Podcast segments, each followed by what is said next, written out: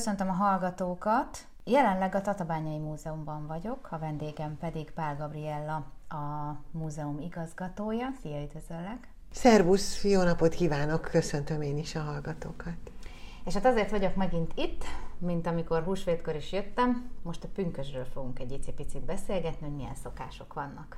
Ugye pünkösd ugyanúgy egy nagyon izgalmas és nagyon fontos pillanata a kereszténységnek, és hát nyilván a néphagyománynak is ezáltal. Ugyanúgy mozgó ünnep, mint a húsvét, hiszen húsvéthoz alkalmazkodva 50 nappal követi a kereszténység hatalmas nagy, legnagyobb ünnepét, és abban a hármasban igazából a betetőzés vagy a befejezése a karácsonyjal ünnepelt születésnek, a húsvéttal ünnepelt feltámadásnak, a Szentlélek eljövetele. 50 nap a pünkösd a pentakosztész görög szóból származik, és ennyit jelent, tehát ahogy húsvét március 22-e és április 25-e között lehet, úgy ehhez alkalmazkodva igazából május 10-e és június 13-a között ünnepli az egyház a nyugati kereszténység pünkösd ünnepét. De azért ne felejtsük el, hogy pontosan ez az időszak ez azért bőven tele van nagyon fontos jeles napokkal is, úgyhogy mielőtt a pünkösdről beszélnénk, azért a hozzávezető úton egy-két fontos pillanatot szeretnék megemlíteni. Ugye azt mondjuk, hogy nagyjából április 25-éig tehető húsvét, de azért április 24-én van egy Szent György napunk. Ez a Szent György nap igazából Európa keleti felében nagyon fontos ünnep, bár megjelenik nyilván Nyugat-Európában is, hiszen Szent György ugye egy legendás szent, az ókeresztény időszaknak a, a története ez, hogy legyőzi a sárkányt, ennek számos csodálatosan szép képzőművészeti alkotásban van jelen egész Európában, az egész középkor folyamán, és hát ahogyan a kötelező tisztelet a nyugati kereszténységből kikerült, azért a keleti egyháznak egy nagyon fontos szentje a mai napig is a keleti kereszténységben legalább olyan sok gyönyörűséges ábrázolása van Szent Györgynek. De hogy miért fontos ez a Szent György? Szent György mezőgazdasági határnap. Igazából ez a nap volt az, amikor először kihajtották az állatokat a legelőre, ehhez természetesen az állatok egészségére, jólétére, szaporasságára való mágikus szertartásokkal, a pásztorok megfogadásával, megajándékozásával, tehát igazából nagyon fontos a tavaszi kezdetét jelentő nap volt ez. Mindezt rögtön követi április 25-én Szent Márk evangélista napja, ami pedig a búza szentelésének az időszaka, körmenetekkel mentek ki a búzatáblához, fohászkodva, könyörögve a jó termésért. A szentelt búza maga is szentelményként jelenik meg, a vegetáció, tehát ugyanúgy, hogy tehát minden, ami megszentelődik, az hasznos az állatoknak, tehát a szentelt búzából például, ugye ilyenkor még zöld a gabona, a szentelt gabonából az állatok elé raktak, hogy egészségesek leszjenek. Tehát minden mindennel összefügg itt igazában ebben a tavaszi időben. Ugye idén éppen sokat emlegettük május 12-e és 14-e között a fagyos szenteket, Pongrácot, Szervácot, Bonifácot, időjósló napok volt. Nyilván a népi megfigyelés kapcsán, hogy ez az időszak mindig tud hűvöset, hideget hozni, ezért aztán például a palántázás és az ültetés időszaka általában ezután következett be, tehát ezt úgy, úgy rendesen figyelték. Május 16-a Nepomuki Szent János ünnepe. Ő már egy valós és valóban élt mártír szentje a nyugati egyháznak. Mártír halála igazából ugye vízbevetéssel kapcsolatos, így aztán a hidak, vizek mellett a vizenjárók, útonjáróknak a védőszentje, Számunkra talán azért is érdekes és fontos, mert eh, püspöki papi ruhában ábrázolt keresztel, vagy a szája elé tett ujjával, ugye a gyónási titoknak is a védőszentje, igazából nagyon sok szobron ábrázolják, itt a Duna mentén, Komárom, Esztergom vármegyében is találkozhatunk az alakjával. Fontos és jelentős patrónusa ő a katolikusságnak. Ahogy aztán megérkezünk már lassan a pünköst időszakhoz, illetve hát most éppen a mostani pünkösdünkhöz, még van egy május 25-e Orbán napja, Orbán pedig a szőlőhegyeknek a, a védőszentje.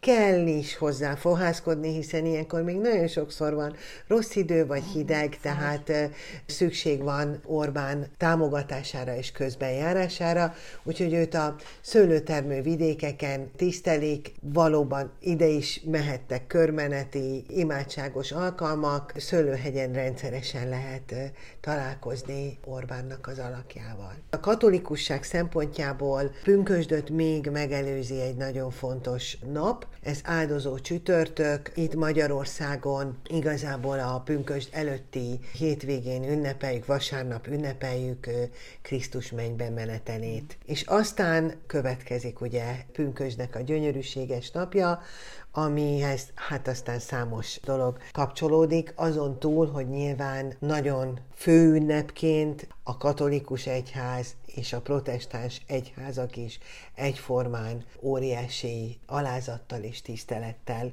ülik meg ezt a napot. Katolikus egyházban ilyenkor pirosban, ünnepi díszben miséznek. Igazából a leghíresebb szokás talán pünkösthöz a pünkösdi királyválasztás.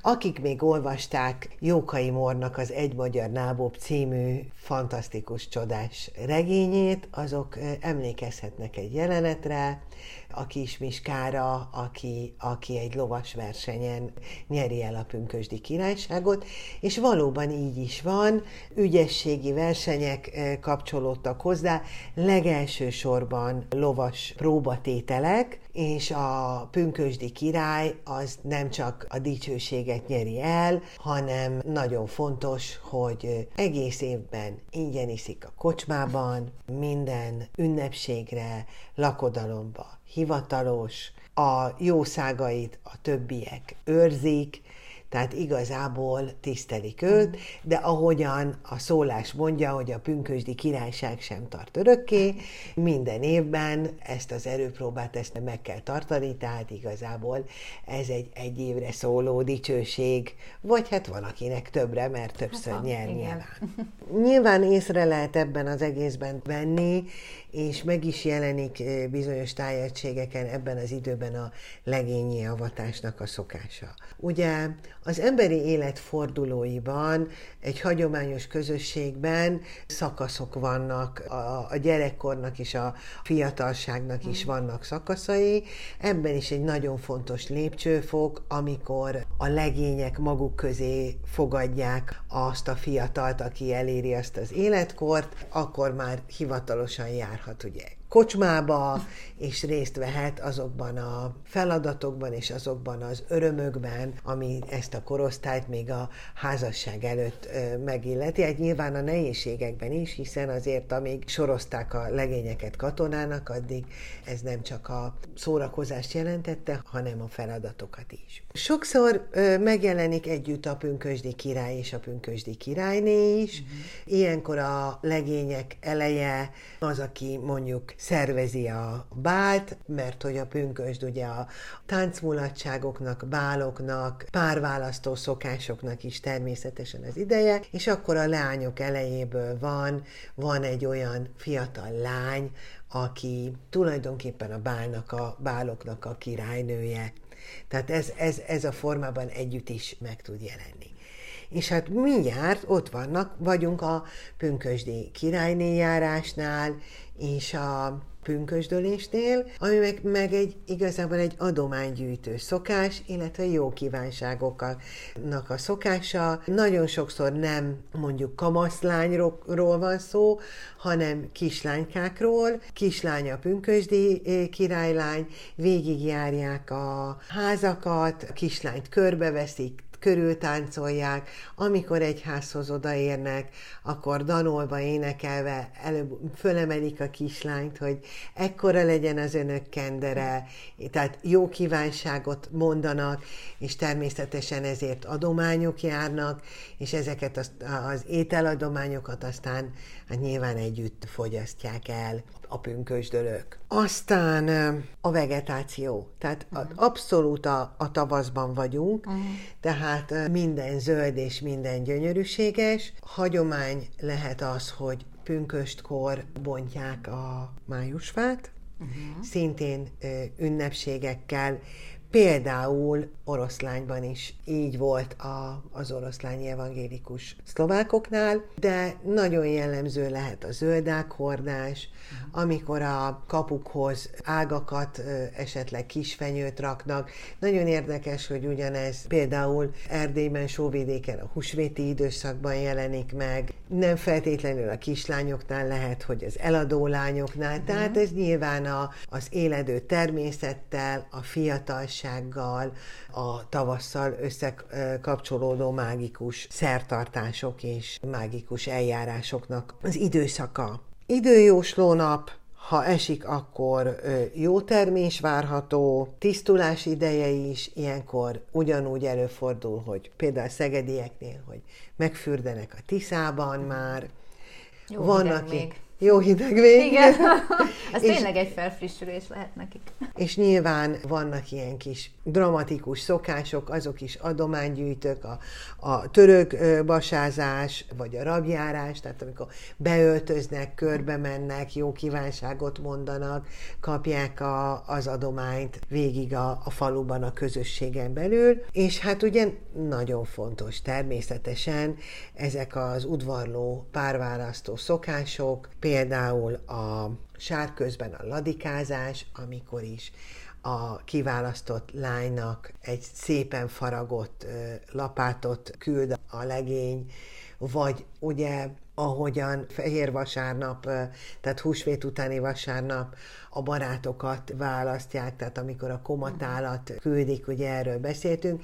Itt mátkatál szokása fordul elő, kislányka viszi a szépen megsütött kalácsot és a bort a legénytől a leánynak, és ha a leány elfogadja az udvarlást, akkor a kislánya hasonlót küld vissza, és mindez a kislánynak némi kis jutalommal jár. És akkor mindezek után igazából a, a pünkösd végével egy nagyon szép, de nagyon nehéz időszak következik a hagyományos paraszti társadalomban, hiszen lassan érik a gabona, az aratásnak a meglehetősen fárasztó, nehéz és nagyon munkás időszaka következik.